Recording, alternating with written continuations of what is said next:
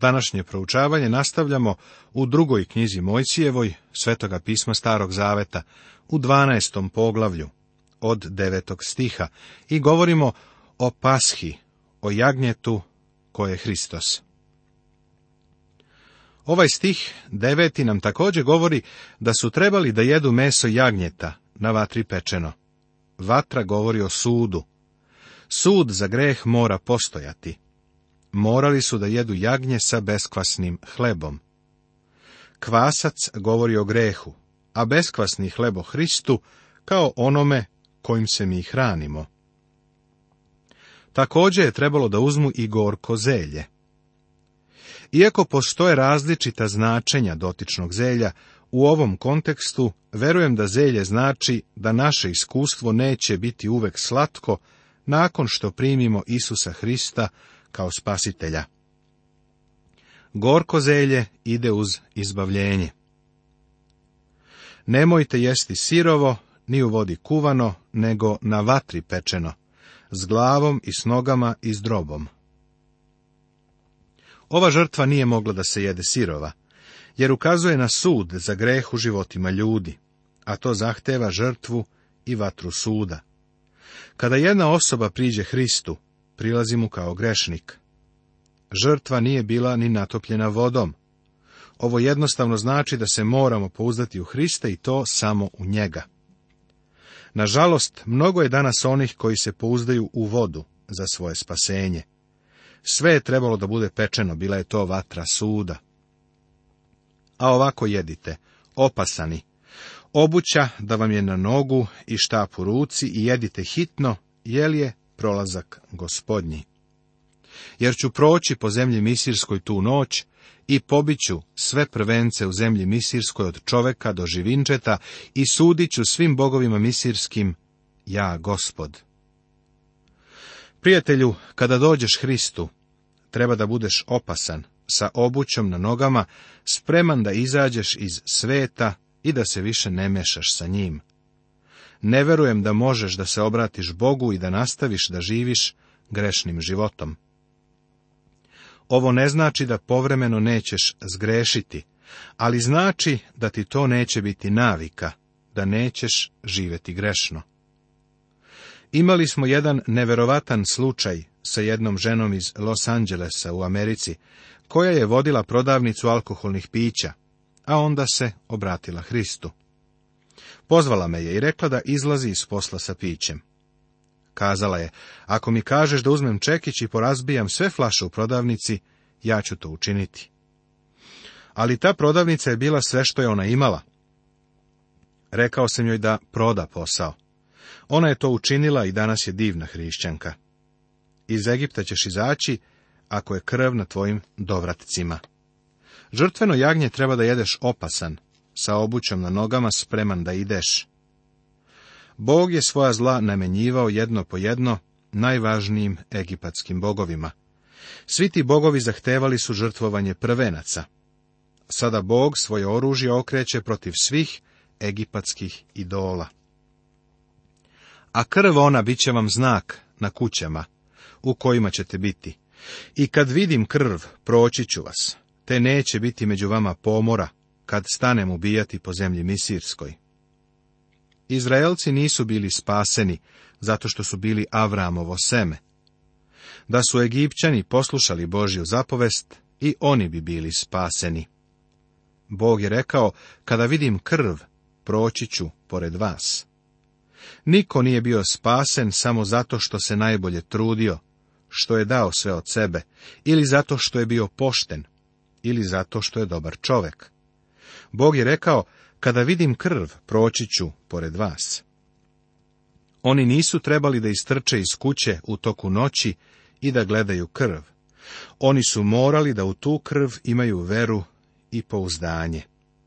Nisu bili spaseni zato što su sproveli obred obrezanja ili zato što su pripadali nekoj crkvi. Bog je rekao, kada vidim krv, proći ću pored vas. Anđeo smrti nije sprovodio pregled okoline. Oni nisu smeli da otvore prozor i kažu anđelu smrti koliko su dobri, koliko su dobrotvornog crkvenog posla uradili. Svaki čovek koji bi te noći promolio glavu kroz prozor, umro bi.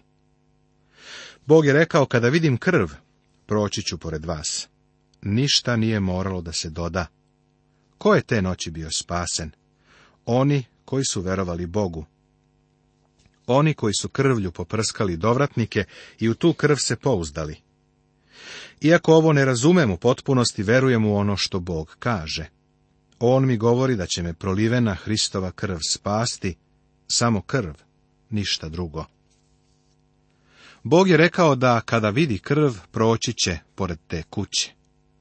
Krv nije bila neki mistični ili sujeverni znak.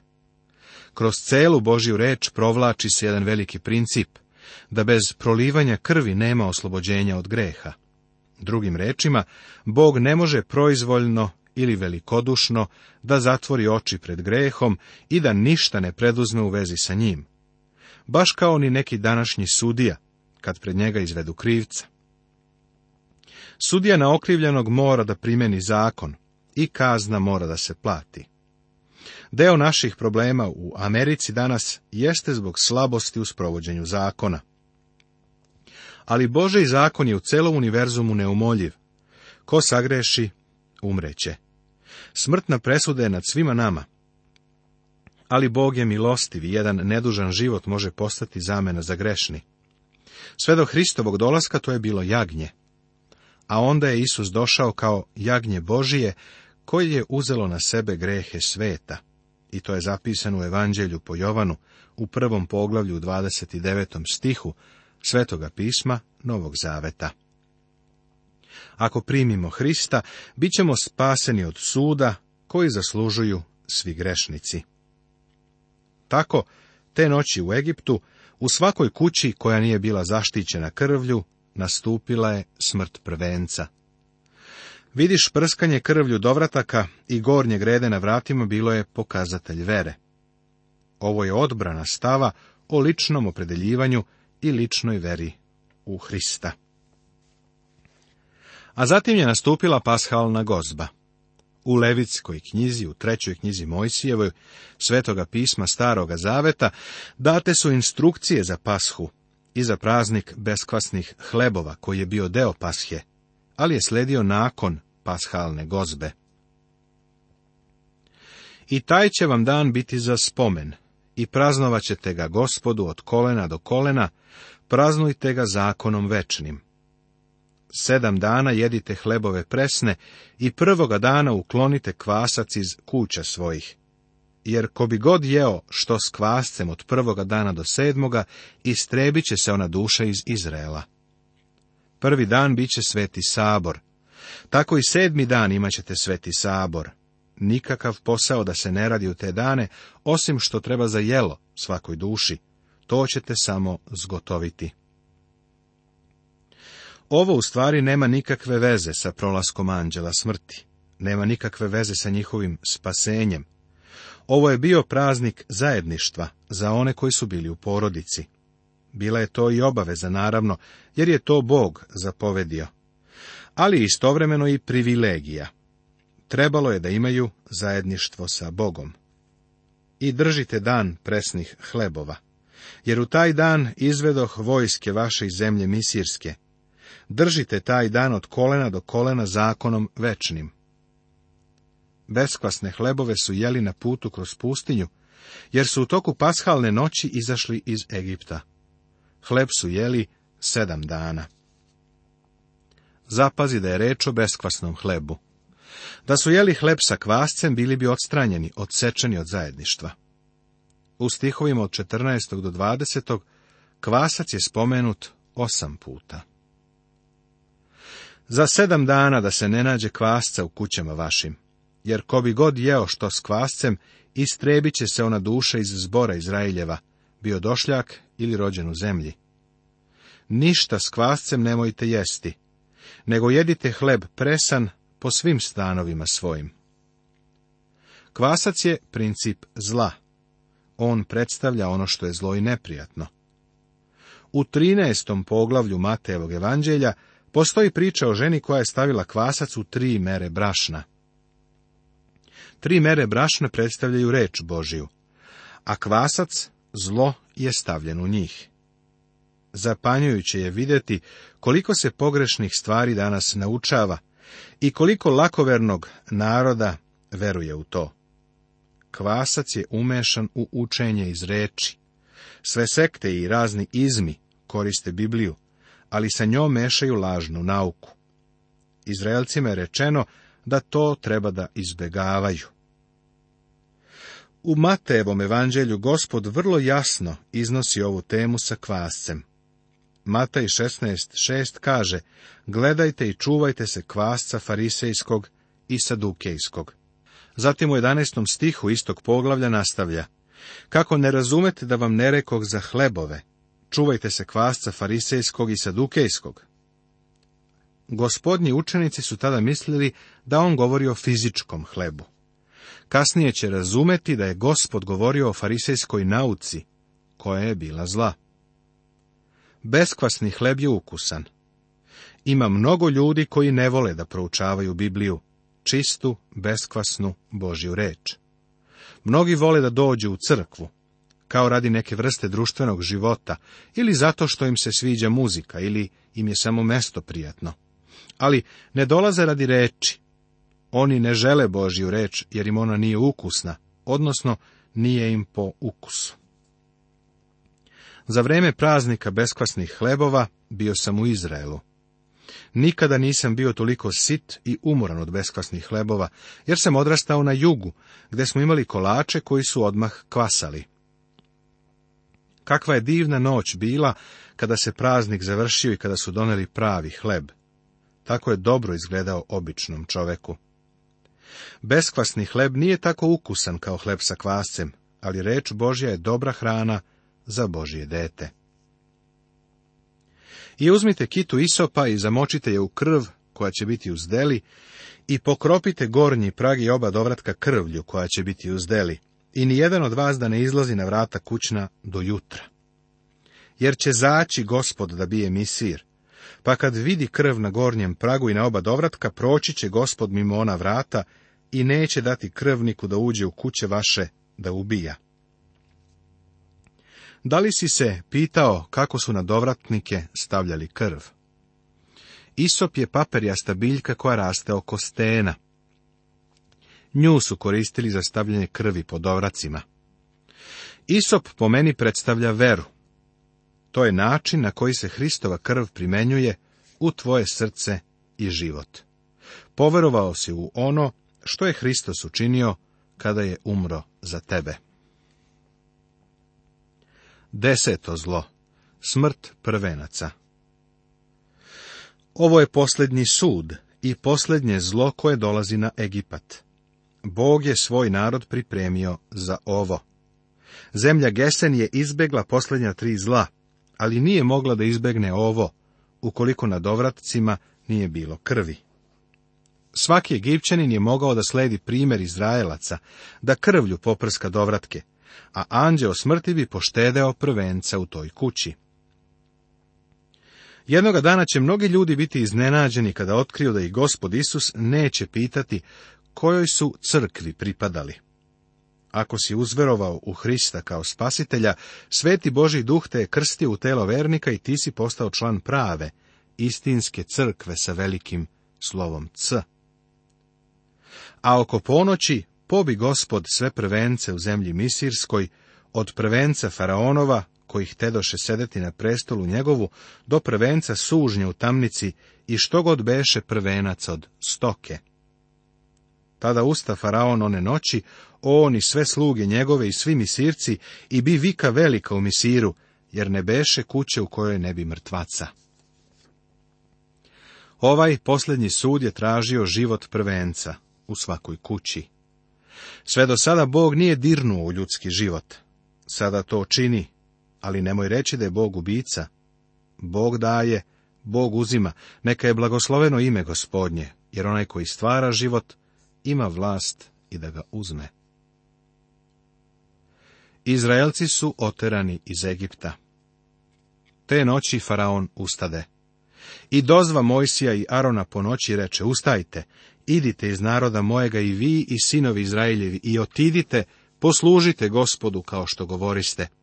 Uzmite i ovce svoje i goveda svoja kao što govoriste i idite, pa i mene blagoslovite. Faraon je konačno morao da se preda. Sve do sada oklevao je i nije bio voljan da popusti Mojsijevom zakonu, ali ovo zlo je doseglo i dotaklo i njegovog sina. Bog nije počeo tako što je dotakao živote prvorođenih. Sukob sa faraonom je počeo tako što je Aronov štap pretvorio u krokodila. Da je faraon verovao Bogu, Izraelci bi otišli iz Egipta, a faraon bi svoj narod poštedeo zla i suda. Zato ne treba okrivljavati Boga. I misirci valjivahu na narod da brže idu iz zemlje, jer govorahu, izgibo smo svi. Egipćani nisu znali gdje će se okončati Boži sud. Bog je uzeo njihove prvence. Šta je sljedeće što će uraditi? Možda će doneti smrt na sve Egipćane, zato su faraoni narod rekli Izraelcima da idu iz zemlje, jer su se plašili za svoje živote. I narod uze testo svoje još neuskislo, umotavši ga u haljine svoje na ramena svoja. I učiniše sinovi Izraeljevi po zapovesti Mojsijevoj. I zaiskaše u misiraca nakita srebrnih i nakita zlatnih i haljina. Reč koja se nekada prevodi kao pozajmiti je jevrejska reč shal, a znači zatražiti ili kao kod nas zaiskati. Bog je učinio da su Izraelci našli milost kod Egipćana, pa kada su zatražili, Egipćani su im dali, a ne uzajmili, sve što su poželeli. Bio je to boži način na koji su prosto unazad sakupili platu za godine ropskog rada u Egiptu. Egipćani su tako mnogo dugovali Izraelcima za protekli rad, da su ih Izraelci oplenili, a to znači da su otišli sa velikim delom egipatskog blaga. I otidoše sinovi Izraeljevi iz Ramese u Sohot, oko šestotina hiljada pešaka, samih ljudi, osim dece. Izgleda kao da je iz Egipte izašlo više od milion ljudi, jer bilo je šestotina hiljada ljudi na nogama, osim žena i dece. Zatim našu pažnju privlači jedna zanimljiva činjenica. I drugih ljudi mnogo otide s njima i stoke sitne i krupne vrlo mnogo. Pored toga što su Izraelci napustili Egipat, sa njima je krenulo i mnogo drugih ljudi. Oni će biti uzrok mnogim nevoljama u izraelskom logoru. U trećoj knjizi Mojsijevoj o njima saznajemo nešto više – ta mešovita masa ili svetina bila je izazivač problema. Oni su u stvari polutani. Egipćanin bi oženio jevrejku ili bi se jevrejno ženio egipćankom.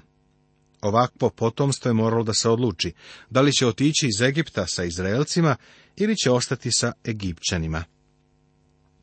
Mnogi od te mešovite mase krenuli su i napustili zemlju, ali su mnogi i ostali.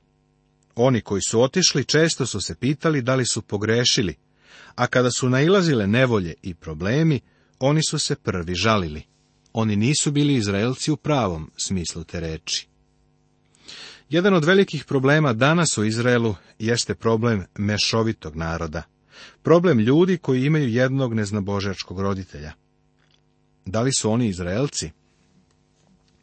Također u crkvi imamo problem sa onima koji se pridružuju crkvi, ali nisu spaseni. Dugo sam bio pastir i nikada nisam verovao da je osoba koja u crkvi pravi probleme stvarno dete Božije. Ali treba da shvatimo šta podrazumevamo pod pravljenjem problema. Time ćemo se baviti u četvrtoj knjizi Mojsijevoj, u 11. poglavlju, kasnije. I od testa koje izneše iz misira ispekoše pogače presne, jer ne beše uskislo kad ih poteraše misirci, te ne mogaš oklevati, niti spremiše sebi brašnjenice. A baviše se sinovi Izraeljevi u Misiru trideset godina. I kad se navrši trideset godina u isti dan, izađoše sve vojske gospodnje iz zemlje Misirske. Ta se noć svetkuje gospodu, u koju ih izvede iz Misira, to je noć gospodnja, koju treba da svetkuju sinovi Izraeljevi od kolena na koleno. Praznik Pashe je spomen, sećanje na izlazak Izraelaca iz Egipta. Oni nikada ne smiju da zaborave šta je gospod Bog učinio za njih, sve dok car ponovo dođe i uspostavi hiljadugodišnje carstvo. A tada će ovo zaboraviti. To ćemo kasnije vidjeti. Sav zbor Izraeljev neka čini tako. Ako bi kod tebe sedeo tuđin i hteo bi svetkovati pashu gospodnju, neka mu se obreže sve muškinje, pa onda neka pristupi da svetkuje, i neka bude kao rođen u zemlji, a niko obrezan da je ne jede. Samo oni koji su se verom poistovetili se Božijim narodom mogu učestvovati u ovom običaju. Zakon jedan daje i rođenom u zemlji i došljaku koji sedi među vama. I učiniše svi sinovi Izraeljevi kako zapovedi gospod Mojsiju Jaronu, tako učiniše. I taj dan izvede gospod sinove Izraeljeve iz zemlje Misirske u četama njihovim. Dok Izraelce budemo ispraćali iz Egipta ka Crvenom moru, naučit ćemo lekcije koje se odnose na iskustva u današnjem hrišćanskom životu. Ovim završavamo 12. poglavlje druge knjige Mojsijeve knjige izlaska.